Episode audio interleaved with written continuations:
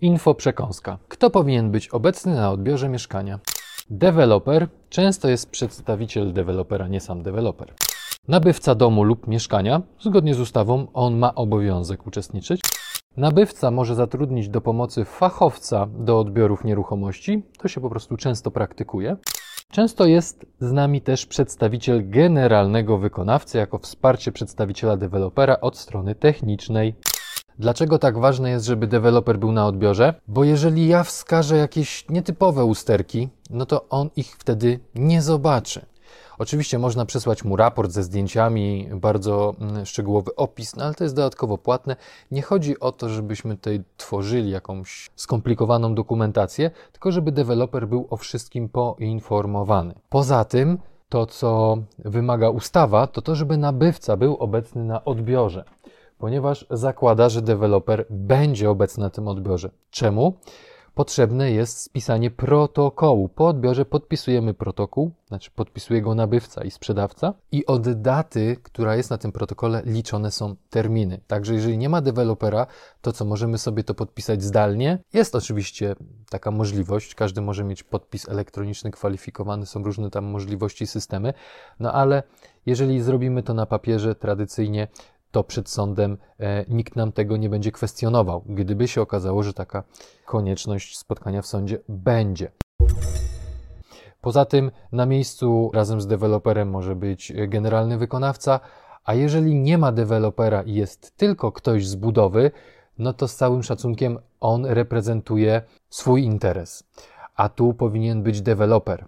Deweloper razem z nabywcą powierzyli budowę generalnemu wykonawcy i w tym momencie go rozliczają. Tak to powinno wyglądać.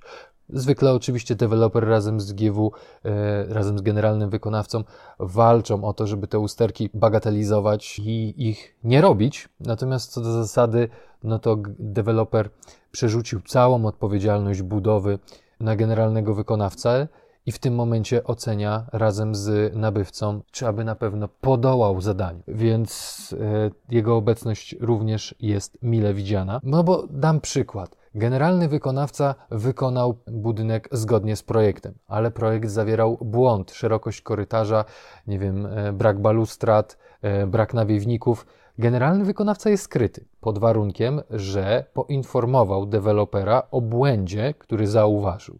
Jeżeli go nie zauważył, no to niestety również przed sądem będzie odpowiadał jako niekompetentny wykonawca. Koniec końców odpowiedzialność oczywiście jest po stronie projektanta. Jeżeli popełnił on, błąd, no to musi to zostać naprawione i deweloper może tego wymagać, nawet powinien. Oczywiście wszyscy chcą zamknąć e, sprawę e, i, i, i, się tym nie przejmować zbyt długo, ale zdarzały mi się sytuacje, że deweloperzy naprawdę kontaktowali się ze swoimi projektantami i pytali, co oni tam nawywijali, bo faktycznie sprawdzili przepisy. No i ten czepialski inżynier ma rację. Można było to zrobić inaczej, można było to zrobić lepiej. Czy my na pewno zrobiliśmy to zgodnie z przepisami? Więc mi nie przeszkadza, jeżeli jest cała śmietanka. Im więcej osób, tym e, lepsze pozostawiam po sobie wrażenie przed klientami, że nie dałem się im w żaden sposób przegadać. Pamiętajcie oczywiście, że po tym podpisanym protokole jest 14 dni na oświadczenie, ustosunkowanie się do tych wad, a 30 od dnia podpisania protokołu na ich naprawę.